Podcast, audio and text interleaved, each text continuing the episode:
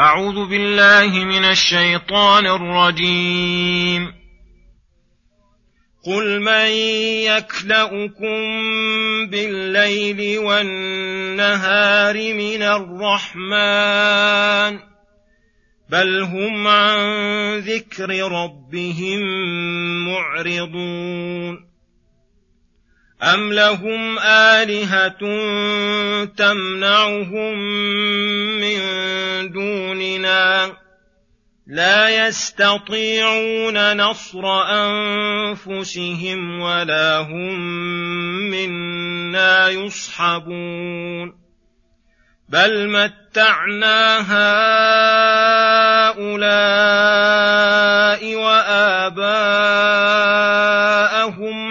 حتى طال عليهم العمر. أفلا يرون أنا نأتي الأرض ننقصها من أطرافها؟ أفهم الغالبون. قل إنما أنذركم بالوحي. ولا يسمع الصم الدعاء إذا ما ينذرون. ولئن مستهم نفحه من عذاب ربك ليقولن يا ويلنا انا كنا ظالمين. ونضع الموازين القسط ليوم القيامة فلا تظلم نفس شيئا وإن كان مثقال حبة من خردل أتينا بها وكفى بنا حاسبين ولقد اتينا موسى وهارون الفرقان وضياء وذكرا للمتقين الذين يخشون ربهم بالغيب وهم من الساعة مشفقون وهذا ذكر مبارك أنزلناه. أفأنتم له منكرون. بسم الله الرحمن الرحيم. السلام عليكم ورحمة الله وبركاته. يقول تعالى ذاكرا عجز هؤلاء الذين اتخذوا من دونه آلهة. وأنهم محتاجون مضطرون إلى ربهم الرحمن الذي رحمته شملت البر والفاجر في ليلهم ونهارهم فقال قل من يكلأكم أي يحرسكم ويحفظك ويحفظكم بالليل إذا كنتم نائمين على فرشكم وذهبت حواسكم وبالنهار وقت انتشاركم وغفلتكم من الرحمن أي بدله غيره أي هل يحفظكم أحد غيره لا حافظ إلا هو بل هم عن ذكر ربهم معرضون فلهذا أشركوا به وإلا فلو أقبلوا على ربهم وتلقوا نصائحه لهدوا لرشدهم ووفقوا في أمرهم. أم لهم آلهة تمنعهم من دوننا؟ أي إذا أردناهم بسوء هل من آلهتهم من يقدر على منعهم من ذلك السوء والشر النازل بهم؟ لا يستطيعون نصر أنفسهم ولا هم منا يصحبون. أي لا يعانون على أمورهم من جهتنا. وإذا لم يعانوا من الله فهم مخذولون في أمورهم. لا يستطيعون جلب منفعة ولا دفع مضرة.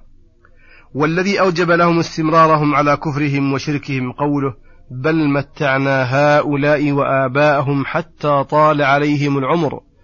أي أمددناهم بالأموال والبنين. وأطلنا أعمارهم فاشتغلوا بالتمتع بها ولهوا بها عما له خلقوا. وطال عليهم الأمد فقست قلوبهم وعظم طغيانهم وتغلظ كفرانهم. فلو لفتوا فلو لفتوا فلو لفتوا أنظارهم إلى من عن يمينهم وعن يسارهم من الأرض لم يجدوا إلا هالكا ولم يسمعوا إلا صوت ناعية. ولم يحسوا إلا بقرون متتابعة على الهلاك. وقد نصب الموت في كل طريق لاقتناص النفوس الأشراك. ولهذا قال أفلا يرون أنا نأتي الأرض ننقصها من أطرافها. أي بموت أهلها وفنائهم شيئا فشيئا حتى يرث الله الأرض ومن عليها وهو خير الوارثين. فلو رأوا هذه الحالة لم يغتروا ويستمروا على ما هم عليه. أفهم الغالبون الذين بوسعهم الخروج عن قدر الله وبطاقتهم الامتناع عن الموت فهل هذا وصفهم حتى يغتروا بطول البقاء؟ أم إذا جاءهم رسول ربهم لقبض أرواحهم أذعنوا وذلوا ولم يظهر منهم أدنى ممانعة ثم يقول سبحانه قل إنما أنذركم بالوحي الآية. أي قل يا محمد للناس كلهم إنما أنذركم بالوحي أي إنما أنا رسول لا آتيكم بشيء من عندي ولا عندي خزائن الله ولا أعلم الغيب ولا أقول إني ملك وإنما أنذركم بما أوحاه الله إلي فإن استجبتم فقد استجبتم لله وسيثيبكم على ذلك. وإن أعرضتم وعارضتم فليس بيدي من أمر شيء وإنما الأمر لله والتقدير كله لله ولا يسمع الصم الدعاء. أي الأصم لا يسمع صوتا لأن سمعه قد فسد وتعطل. وشرط السماع مع الصوت أن يوجد محل قابل لذلك. كذلك الوحي سبب لحياة القلوب والأرواح والفقه عن الله. ولكن إذا كان القلب غير قابل لسماع الهدى كان بالنسبة للهدى والإيمان بمنزلة الأصم بالنسبة إلى الأصوات. فهؤلاء المشركون صم عن الهدى فلا يستغرب عدم اهتدائهم خصوصا في هذه الحالة التي لم يأتهم العذاب ولا مسهم ألمه. ولئن مستهم نفحة من عذاب ربك أي ولو جزء يسير من عذابه ليقولن يا ويلنا إنا كنا ظالمين. أي لم يكن قولهم إلا الدعاء بالويل والثبور والندم والاعتراف بظلمهم وكفرهم واستحقاقهم العذاب. ثم يقول سبحانه ونضع الموازين القسط ليوم القيامة الآيات. يخبر تعالى عن حكمه العدل وقضائه القسط بين عباده إذا جمعهم يوم القيامة وأنه يضع لهم الموازين العادلة التي يبين فيها مثاقيل الذر الذي توزن به الحسنات والسيئات. فلا تظلم نفس مسلمة ولا كافرة شيئا بأن تنقص من حسناتها أو يزاد في سيئاتها. وإن كان مثقال حبة من خردل التي هي أصغر الأشياء وأحقرها من خير أو شر أتينا بها وأحضرناها ليجازي بها صاحبها.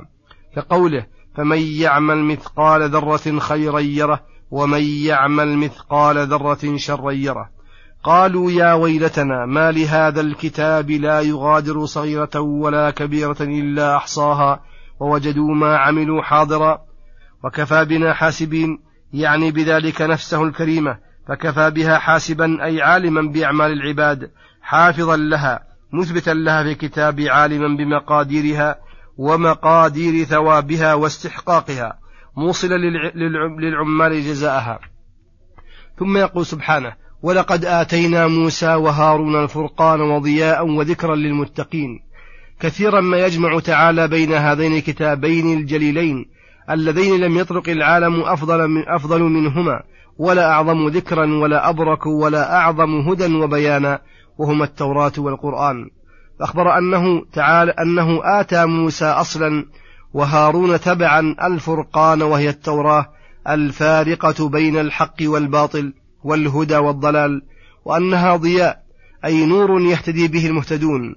ويأتم به السالكون وتعرف به الأحكام ويميز به بين الحلال والحرام وينير في ظلمة الجهل والبدع والغواية وذكرا للمتقين يتذكرون به ما ينفعهم وما يضرهم ويتذكر به الخير والشر وخص المتقين بالذكر لأنهم المنتفعون بذلك علما وعملا ثم فسر المتقين فقال الذين يخشون ربهم بالغيب أي يخشونه في حال غيبتهم وعدم مشاهدة الناس لهم. فمع المشاهدة أولى فيتورعون عما حرم ويقومون بما ألزم وهم من الساعة مشفقون أي خائفون وجلون لكمال معرفتهم بربهم فجمعوا بين الإحسان والخوف. والعطف هنا من باب عطف الصفات المتغايرات الواردة على شيء واحد وموصوف واحد وهذا أي القرآن ذكر مبارك أنزلناه. فوصفه بوصفين جليلين كونه ذكرا يتذكر به جميع المطالب من معرفة الله بأسمائه وصفاته وأفعاله ومن صفات الرسل والأولياء وأحوالهم ومن أحكام الجزاء والجنة والنار. يتذكر به المسائل والدلائل العقلية والنقلية. وسماه ذكرا لأنه يذكر, يذكر ما ركزه الله في العقول والفطر. من التصديق بالأخبار الصادقة والأمر بالحسن عقلا والنهي عن بالحسن عقلا والنهي عن القبيح عقلا. وكونه مباركا يقتضي كثرة خيره ونماءه وزيادته. ولا شيء أعظم بركة من هذا القرآن. فإن كل خير ونعمة وزيادة دينية أو دنيوية أو أخروية فإنها بسببه وأثر عن العمل به. فإذا كان ذكرا مباركا وجب تلقيه بالقبول والانقياد والتسليم وشكرا لله على هذه المنحة الجليلة والقيام بها واستخراج بركته بتعلم ألفاظه ومعانيه ومقابلته بضد هذه الحالة من الإعراض عنه والإضراب عنه صفحا وإنكاره وعدم الإيمان به فهذا من أعظم الكفر وأشد الجهل والظلم. ولهذا أنكر تعالى على من أنكره فقال أفأنتم له منكرون؟ وصلى الله وسلم على نبينا محمد وعلى آله وصحبه أجمعين. وإلى الحلقة القادمة غدا إن شاء الله. السلام عليكم ورحمة الله وبركاته.